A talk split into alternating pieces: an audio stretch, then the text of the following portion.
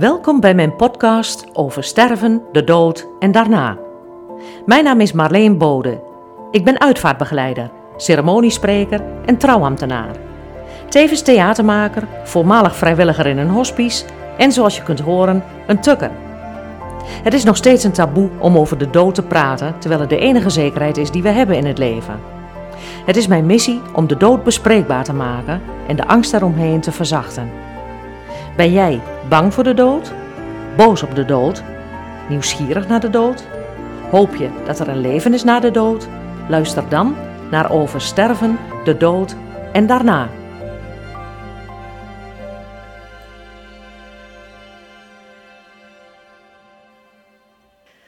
Hallo, daar zijn we weer.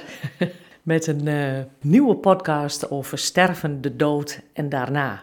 In hoeverre het over de dood gaat, of over het sterven, of over daarna. Nou ja, dat uh, laat ik altijd maar uh, afhangen van wat er bij me opkomt. Ik heb een idee van wat ik ga vertellen, of wat het onderwerp is van de aflevering.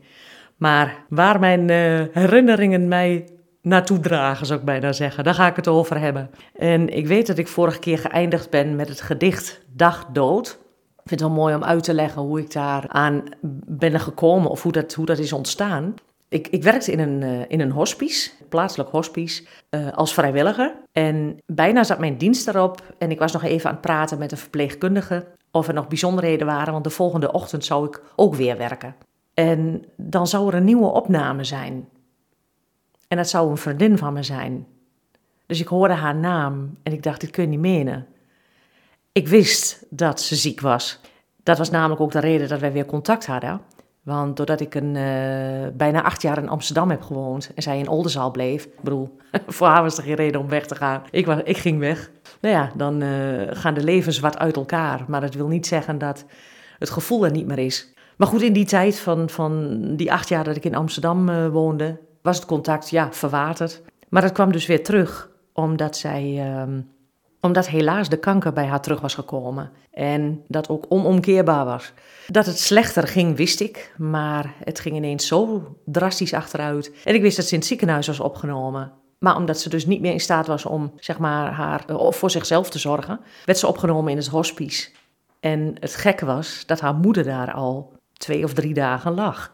Haar moeder was, uh, die was gevallen en was ook niet meer in staat om voor zichzelf te zorgen. En uh, zij ging ook heel snel achteruit, waardoor zij ook een hospice-indicatie kreeg. Dus moeder was opgenomen in het hospice, dochter lag nog in het ziekenhuis. En twee, drie dagen later werd zij dus ook opgenomen in het hospice. Dat was een heel krankzinnige periode. Het was ook bijzonder om haar daar ja, te ontvangen, zou ik bijna zeggen. Ik had nog wel even gecheckt met haar broer, dus ook een vriend van me, of dat wel oké was dat ik er was. Maar gelukkig uh, vonden ze dat uh, allebei een fijn idee. En op die plek waar ik gewoon zo graag ja, werkte, wat gewoon een hele fijne plek was om te zijn, ontving ik mijn vriendin. En dat was haar laatste station. En dat was erg bizar. En dat gebeurt vaak, dat mensen die uh, ziek zijn, en tenminste wat ik heb gezien in het, in het hospice, dat ze dat dan ook echt zien van, nou ben ik hier en dit is, het, dit is echt mijn laatste periode. De mensen die zich daar dus heel bewust van zijn nog. En zo ook Mariska. Ik mocht haar naam noemen. ik had het even gecheckt of het oké was om het over haar te hebben, maar dat was uh, gelukkig uh, geen probleem. Ja, het was, uh, het was gek om hun allebei op het hospice te hebben, zowel moeder als, als dochter, dus mijn vriendin. Maar het maakt het ook heel bijzonder dat ik in een dienst. Nou ja, goed, weet je, de een krijgt niet meer aandacht dan de ander. Of daar moet op gevraagd worden. Of, nou ja, goed, sommige mensen zijn al uh, in het stadium van terminaal en niet meer aanspreekbaar. Die hebben een hele andere zorg nodig dan mensen die nog wel, uh, zeg maar, eten en uh, gedoucht worden. Op wat voor manier dan ook, waar je dan zorg kunt verlenen. Maar dat is altijd fijn om dan eventjes extra bij Mariska, als ik klaar was met de dienst, om nog even een kopje koffie met haar te doen, om nog even te praten. Ze is begin oktober opgenomen en begin december overleden. En in die periode is onze vriendschap weer, ja, heeft zo'n verdieping gekregen. Dat was heel bijzonder om mee te maken. Maar haar moeder ging heel erg achteruit.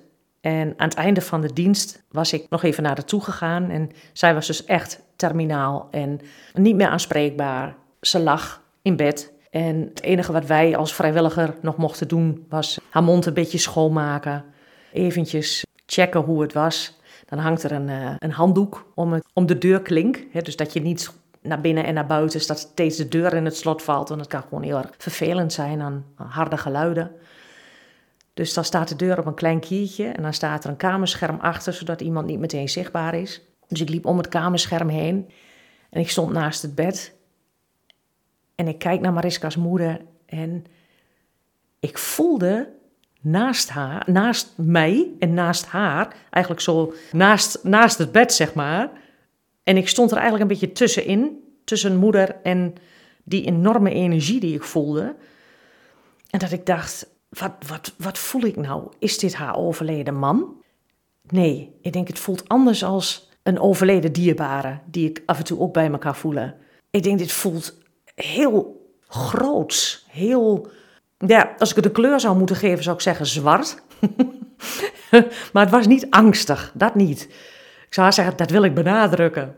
Maar het was, het was groots en ik had echt het gevoel, de dood staat klaar om haar op te halen. Het was de dood was vormloos, maar enorm aanwezig in kracht. En ik denk, ik moet maken dat ik die kamer uitkom. Dat gevoel had ik. En ik nam afscheid van haar, ook wetende dat het de laatste keer was dat ik haar zou zien. Ik ben de kamer uitgegaan, naar huis gegaan en ik had dus heel erg het gevoel, volgens mij heb ik dat verteld vorige keer, maar dat weet ik niet meer precies, dat ik um, moest schrijven. Dus ik heb mijn laptop uh, opengeklapt en ik, ik heb dus dat gedicht waar ik de vorige keer mee ben geëindigd, heb ik in één keer geschreven. En het rammelde uit mijn, uh, uit mijn, uit mijn vingers, zou ik bijna zeggen. En ik heb er nog één woordje of zo aan veranderd dat het iets beter liep. Maar het was een, uh, ik zou zeggen, een kant-en-klaar gedicht. En ik, ik was er eigenlijk helemaal verbaasd van. Maar ik heb zo duidelijk het gevoel dat ik, nou ja, om het maar te zeggen, de dood heb ervaren. En dan wil ik toch mijn best doen om daar iets meer van te vertellen, om dat iets meer te, om, eh, je moet dat zeggen, om dat iets meer te beschrijven. Want als ik overleden dierbaren ervaar, uh, als ik bezig ben met mediumschap, dan ervaar ik iemand zoals die op aarde was. Zoals die in zijn leven was. Ervaar ik iemand die heel uh, bescheiden is, was bij leven. Of ervaar ik iemand als eh, heel krachtig? Of weet ik, voel ik dat iemand uh, zelfstandig heeft gewerkt, een eigen bedrijf had, uh, drie kinderen had en gescheiden? Of nou ja, noem het allemaal maar op. Ik ervaar verschillende gevoelens. zeg maar, ik voel de gevoelens die een overleden dierbare mij laat voelen. Of ik krijg plaatjes, zeg maar stilstaande plaatjes of soms bewegende beelden. Nou ja, en alles wat ik zie of ervaar, voel, soms zelfs hoor, nou ja, dat wil dan iets zeggen over de persoon die bij me is voor degene die bij me is. Bijvoorbeeld in een consult. Wat ik overigens op dit moment even niet meer doe, omdat het gewoon nu even niet past. Maar wat ik in het verleden heb gedaan en wellicht weer ga oppakken. Maar dat tezijde, um, dan voel ik dus heel duidelijk hoe, iemand, hoe iemands karakter was. En toen ik die enorme energie ervaren. En ik zei haar, ja, had, het had hij een kleur? Nee, maar mijn gevoel zegt dan, mijn gevoel zegt dat hij zwart was. Maar puur om mij duidelijk te maken wie het was. En wie, dan heb ik het dus niet over een persoon, maar ja, de dood. En de dood stond naast haar bed in al zijn kracht, in al zijn oh, overweldigendheid. Ik, ik had het woord gewoon even niet maar, het, was, het was zo bijzonder, maar niet angstig. En dat vond ik gewoon zo mooi. En dat ervaar ik dus ook weer als ik het erover heb. Dan kan ik hem bijna weer naast me voelen, net als toen naast dat bed. Kan ik die enorme, vormeloze kracht weer bij me voelen. En dat was gewoon heel bijzonder. Het gaf mij de wetenschap dat mevrouw niet alleen zou gaan. Haar man was al overgegaan. Dus ik ben daarvan overtuigd dat hij haar stond op te wachten. Maar daarom had ik dus ook het gevoel van, is het haar man? Nee, het is duidelijk niet haar man. Het is echt iets anders en voor mij onbekend wat ik voel. En later in de tijd heb ik het meer gezien als, ik wil het dan toch graag uitleggen en... Uh, ik kom uit Twente, dus het moet wel een beetje nuchter blijven, zeg maar uh, ik, ja, de, dat het aartsengel Azrael is. Dat is voor mij een, uh, een hele mooie verklaring. En dan zie ik niet een enorme engel, zoals wij engelen uh, kennen, herkennen, zeg maar met vleugels en zo. Maar daar kom ik straks nog eventjes op terug. Omdat het iets is wat wij uh, zelf ervan gemaakt hebben, zeg maar. Wat kunstenaars er ooit van gemaakt hebben, denk ik. Door ze af te beelden met vleugels. Dus als wij, nou ja, een wezen zien met vleugels of een uh, gedaante met vleugels, weten we dat het een engel is. Maar aards, de aardsengelen, zeg maar, ik ga er nog een keer uh, ook een aflevering aan wijden aan engelen. Want het is veel te leuk en veel te breed en veel te geweldig. Maar aartsengel Azrael is de engel des doods, zou je kunnen zeggen. Maar dat klinkt wel zo naar en zo zwaar en zo verdrietig. Maar als ik zeg maar die grote zwarte, voor mij dus zwart hè, om duidelijk te maken van, oh dit hoort bij de dood. Dat, zo zie ik het, zo ervaar ik het. Kan voor iemand anders heel anders zijn. Maar het is dus niet angstig, dat wil ik echt benadrukken. Maar ervaar ik die energie, dan is dat voor mij aartsengel Azrael. En die heeft een heel leger van engelen die bij hem zijn, die hij instrueert, zal ik maar zeggen, die hij uh, gebruikt of, of inzet om overledenen over te laten gaan naar de andere kant. Om het zo gemakkelijk mogelijk te maken. En wij zien aan deze kant, in de aardse kant, in het leven, zien wij iemand lijden, zien we iemand ziek zijn, zien we iemand pijn hebben, zien we iemand terugtrekken in zichzelf. Maar het wil dus niet zeggen dat dat fout is of dat dat ook zo verdrietig is voor degene die het ervaart, die het ondergaat, die gaat sterven. Op de een of andere manier is er altijd hulp om over te gaan naar de andere kant. Al zou je bij wijze van spreken kind nog kraaien hebben hier op aarde, dan nog ben je niet alleen in het overgaan naar de andere kant en ook in de ontvangst aan de andere kant. Want aan die kant is er liefde. Ook daar ga ik nog een keer dieper op in, hoe ik de spirituele wereld zie en ervaar. En ik vertel niet de waarheid, laat, dat, uh, laat ik dat voorop stellen. Uh, ik vertel uh, mijn ervaringen en ik vertel mijn gedachten erover. Als dat resoneert met hoe jij het zelf voelt of ervaart, is dat hartstikke mooi. als het niet resoneert, is dat ook helemaal prima. Mijn bedoeling is alleen om te delen en om misschien een andere kijk ergens op te geven, op de dood of over uh, het sterven en over pijn en over, nou ja, verdriet rondom de dood. En als ik dat op de een of andere manier uh, kan verzachten of daar een andere blik op kan laten werpen, dan, nou ja, ben ik, denk ik, nou ja, geslaagd in mijn missie. Dat is misschien een beetje overdreven. Maar, nou ja, laat ik vooral zeggen, luister hierna met je hart en als het, nou ja, als mijn verhaal resoneert, dan uh, kan je daar misschien uh, ja, troost uithalen.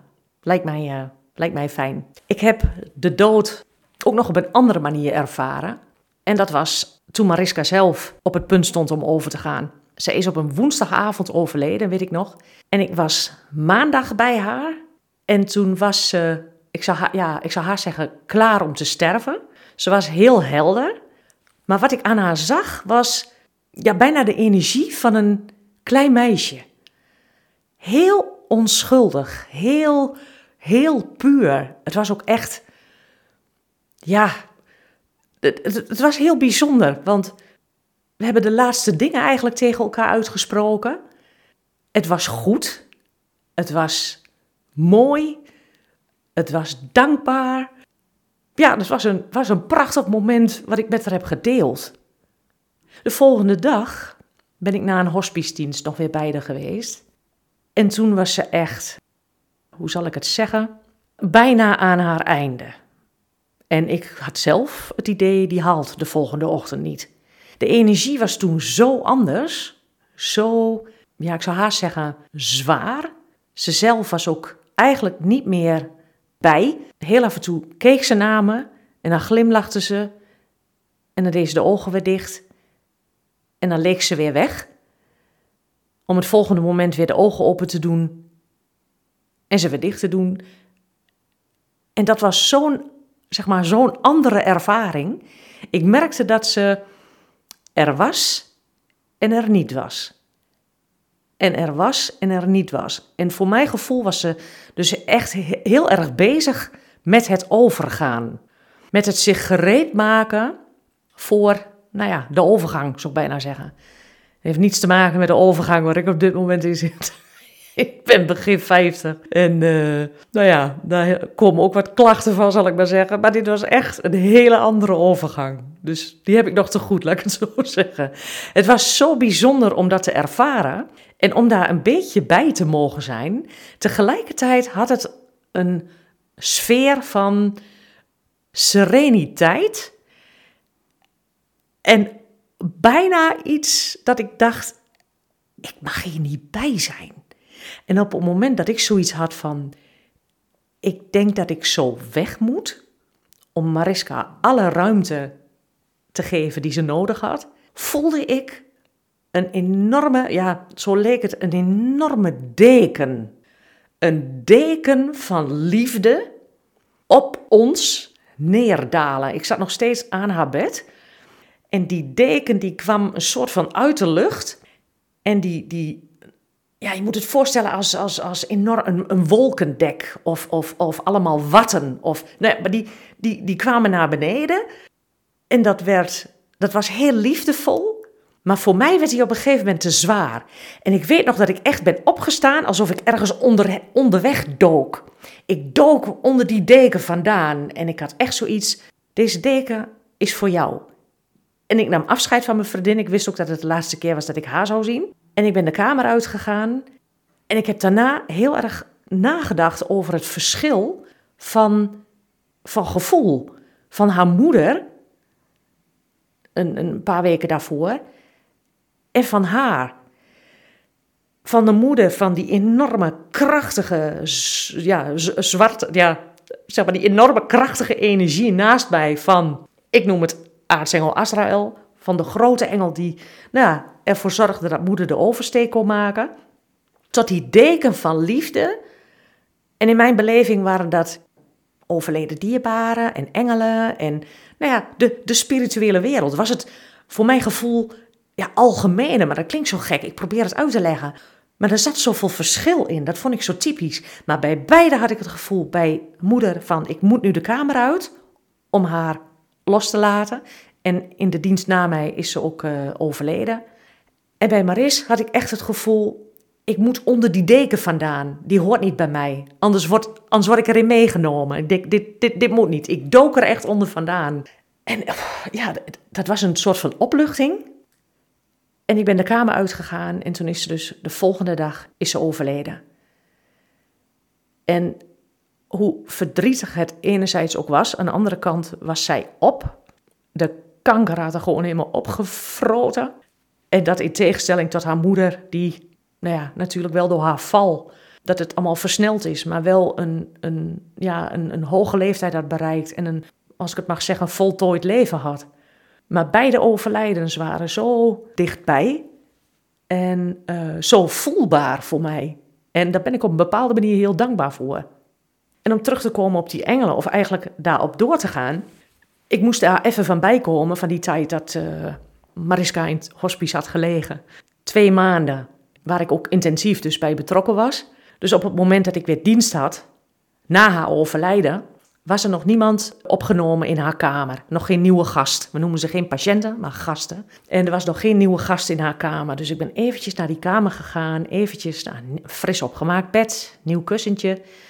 Uh, alle nieuwe gasten kregen altijd een hartvormig kussentje en dat ging dan altijd mee uh, met ja, de naaste mee naar huis als iemand uh, weg was. er lag een nieuw hartvormig kussentje, alles was weer fris, de handdoeken waren bijgevuld, nou, noem het allemaal maar op. Dus ik liep die kamer weer uit en toen werd er gebeld vanuit een andere kamer. gepiept, zeg maar, met pieper. En dat was een mevrouw die uh, vlak daarvoor was opgenomen, daags ervoor, als ik me goed herinner. En uh, ik had haar nog niet gezien. Ik wist alleen dat zij een, uh, een non was geweest, wel uit het klooster was gegaan. Maar verder wist ik niets van haar, alleen dat ze kanker had en dat het allemaal vrij snel was gegaan. En dat is dan altijd zo'n bijzonder moment dat je, je kijkt in de zorgmap en er wordt door de verpleegkundige wat aan je verteld. En je weet wat er aan de hand is. Maar het allereerste contact vond ik altijd het meest spannend, maar dan wel op een goede manier. Je klopt aan en je weet gewoon niet hoe je iemand zeg maar aantreft. Is iemand echt in zijn laatste fase? Is iemand echt, uh, is iemand bang? Is iemand, uh, heeft iemand heel veel pijn? Nou ja, noem het allemaal maar op. Dat is altijd even zo'n moment waar ik doorheen moest, gewoon voor mezelf. Dus ik klopte aan en werd binnengeroepen en er ligt een hele, ik zou zeggen, heel klein vrouwtje. Zoals ik gewoon heel klein in het enorme bed. Met een paar stralende ogen, echt van die twinkelogen. Ben jij Marleen? zei ze. Ik zeg, ja, dat ben ik. Je krijgt de groeten van Egbert. En ik denk, hè? Dat was gewoon zo grappig. Zij was gebracht met uh, de wensenambulance. En Egbert was een oud collega. En uh, die wist dat ik in het hospice werkte. En ik wist dat Egbert af en toe op de ambulance reed. Dus die had haar gebracht. En ze hadden dus uh, wat met elkaar gepraat. En als zij Marleen zou treffen, moest ze me de groeten doen. Dus dat was gewoon heel grappig. Was gewoon een leuk begin. En toen uh, vroeg ze of ik uh, uh, voor haar bezoek, wat even later binnenkwam, koffie en thee kon verzorgen. En of zij nog wat ijswater mocht. Dat vond ze heel lekker in zo'n in zo'n in zo'n zo'n tuitbeker. Want als iemand in bed ligt, kan je dat makkelijk uit drinken. En dan met veel ijsblokjes en dan water. En dat ze dat zei, hoe ze het zei. Ze zegt, ik kan door de medicijnen bijna niks meer verdragen. Ik eet niet meer, heb ik ook helemaal geen zin in. En uh, alles staat me tegen, maar het enige wat ik nog lekker vind is ijswater. Dan word ik s'nachts wakker en dan heb ik dorst, want van de medicijnen krijg ik een hele droge mond. En dan neem ik een slokje ijswater. En dan ben ik zo gelukkig. En ik, ik, ik was verbaasd, maar het was ook zo lief dat ze dat zo zei. En dan met die, die twinkelogen. Het was, nou ja, ik bedoel, de vrouw staat meteen in mijn hart. Zo'n, hè, dat heb je met mensen, dat je die tegenkomt, dat je die aankijkt en dat iemand meteen je hart ingaat. Nou ja, ik vond dat, uh, ik vond dat prachtig. En toen nam ik dus, hè, nadat ik de koffie en thee had gebracht uh, voor het bezoek, zei ze, we spreken elkaar straks nog wel, hè? dat was heel leuk. Toen het bezoek dus weer weg was, wilde ze dus graag ook nog even met me praten. En er ontstond een prachtig gesprek over, nou ja, waarom zij het klooster had verlaten. Omdat ze vond dat ze meer in de wereld moest zijn, omdat ze in het klooster niet bereikbaar was. En uh, voor haar gevoel. En uh, er waren zoveel lieve mensen om haar heen die ook afscheid kwamen nemen van haar. En ze had ook heel nuchter zoiets van: ja, ik weet niet waarom mij dit overkomt. Ik weet niet waarom ik ziek ben geworden. Maar goed, het overkomt me. En uh, ik heb er vrede mee. En toen zei ze op een gegeven moment: Jij gelooft in engelen, hè? Nou, hoe ze daarbij kwam, weet ik niet. Maar het was echt zo van: Ja. Eerst geloofde ik daar nooit in.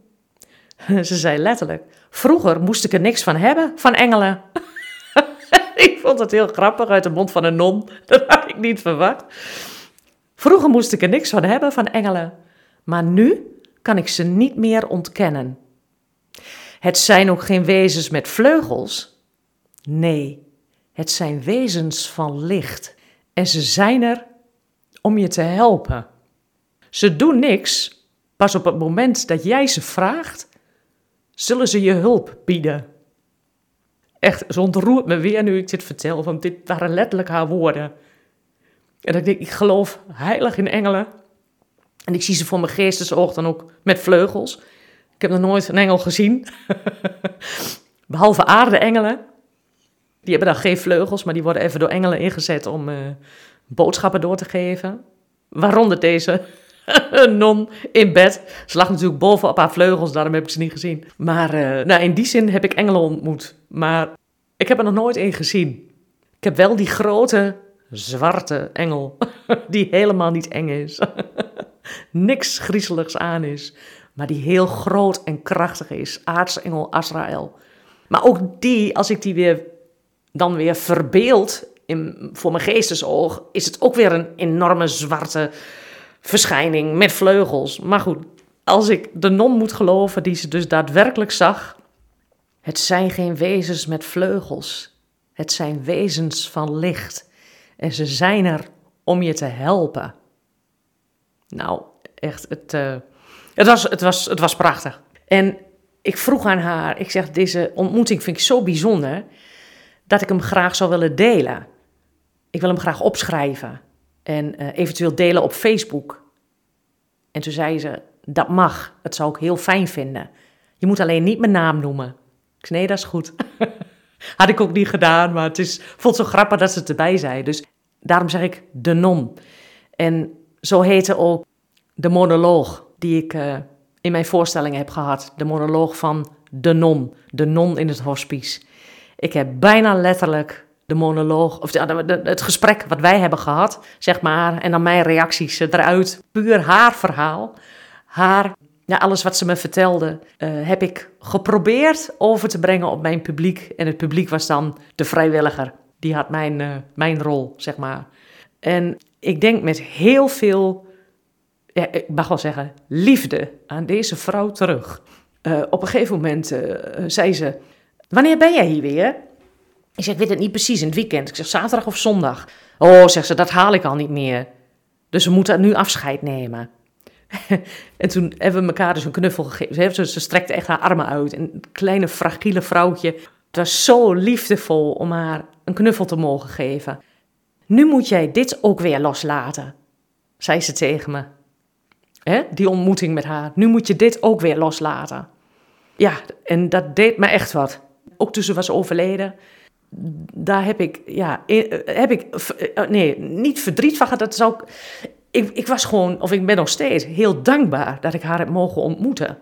Het was een uh, eenmalige, maar bijzonder krachtige ontmoeting die ik nooit zal vergeten. En wat ik zo mooi vond, toen ik naar haar keek, er is een uitdrukking, maar de, het is een uitdrukking, maar ik kan hem nu echt volmondig zeggen: deze vrouw had God in de ogen.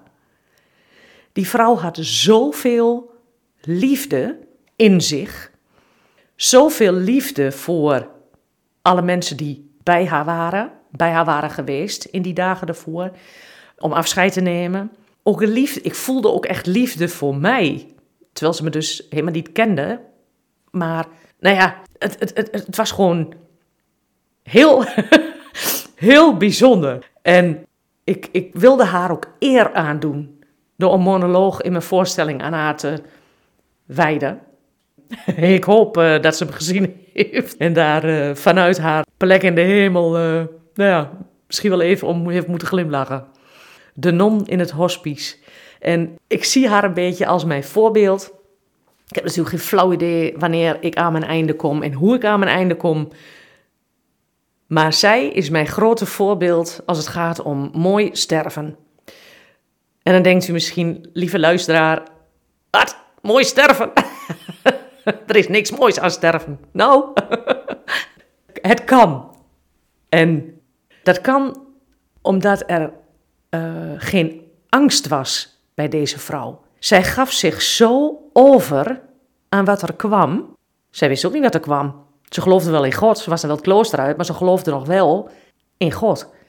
En in de liefde die haar, nou ja, zou opwachten of wat dan ook.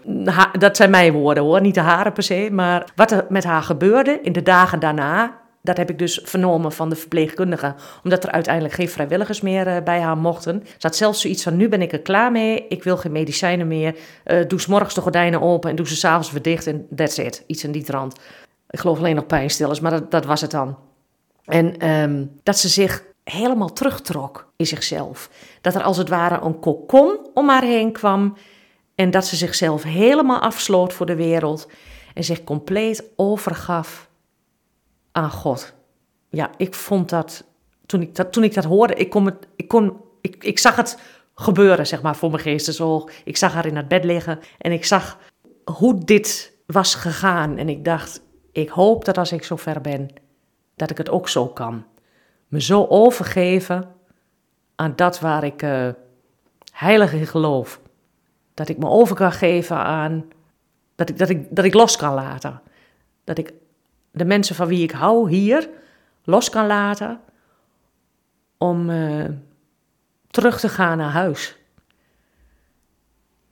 En zo grappig, want het uh, plaatselijk hospice was een noemden ze ook wel een bijna thuishuis. En bij een bijna thuishuis draait het vooral op vrijwilligers. Maar hoe mooi is dat? Bijna thuis. En dan thuis met een hoofdletter. En toen werd het 27 oktober 2017. Ik was al lang weg uit het hospice. Ik eh, kon helaas eh, het werk niet meer combineren met mijn werk in de uitvaart. En ik had mijn voorstelling gemaakt en ik had dus een half jaar van tevoren het theater besproken. Mijn vader had kanker en het ging naar omstandigheden goed met hem. Maar uiteindelijk is hij begin oktober heel erg ziek geworden en het ging drastisch achteruit. En ik had met het theater afspraken gemaakt dat als het mis zou gaan, nou ja, dat op een goede manier uh, zou worden opgelost. Financieel bedoel ik. En ook met de kaartjes en ook met mensen afbellen en dat soort dingen. Dus die afspraken lagen er, maar ik hoopte natuurlijk dat dat niet nodig zou zijn.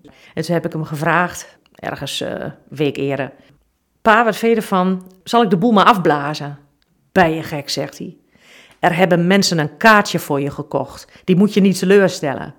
ik zeg, ja, ik zeg, er bestaat iets als uh, the show must go on. Ik zeg, maar je kunt ook overdrijven, hè? Ik bedoel, jij bent belangrijker dan mijn voorstelling. Nee, zei hij nogmaals, er hebben mensen een kaartje voor je gekocht. Jij moet spelen en je moet mij maar even parkeren. En 27 oktober 2017 was de première van mijn stuk. En die dag werd mijn vader opgenomen in het hospice. Waar ik de kracht vandaan heb gehaald om mijn vader inderdaad even te vergeten, tussen aanhalingstekens. En s'avonds alles te geven op de planken wat ik te geven had. Waar ik de kracht vandaan haalde, ik zou zeggen, dat weet ik niet, maar ik weet het wel. Die kracht komt niet van mij, die kracht komt ergens anders vandaan. Niet van deze aarde. En dat is iets om een, uh, om een volgende keer op verder te gaan. Ik zou uh, deze podcast willen eindigen met een eh, tekst die ik vandaag toevallig, ja, niks is toeval denk ik, tegenkwam um, van Rumi, een Persische dichter en mysticus. There is no such thing as death, only a change of worlds. En met die gedachte neem ik uh, voor nu afscheid en hoop ik uh, tot een volgende keer. Bedankt voor het luisteren. Dag!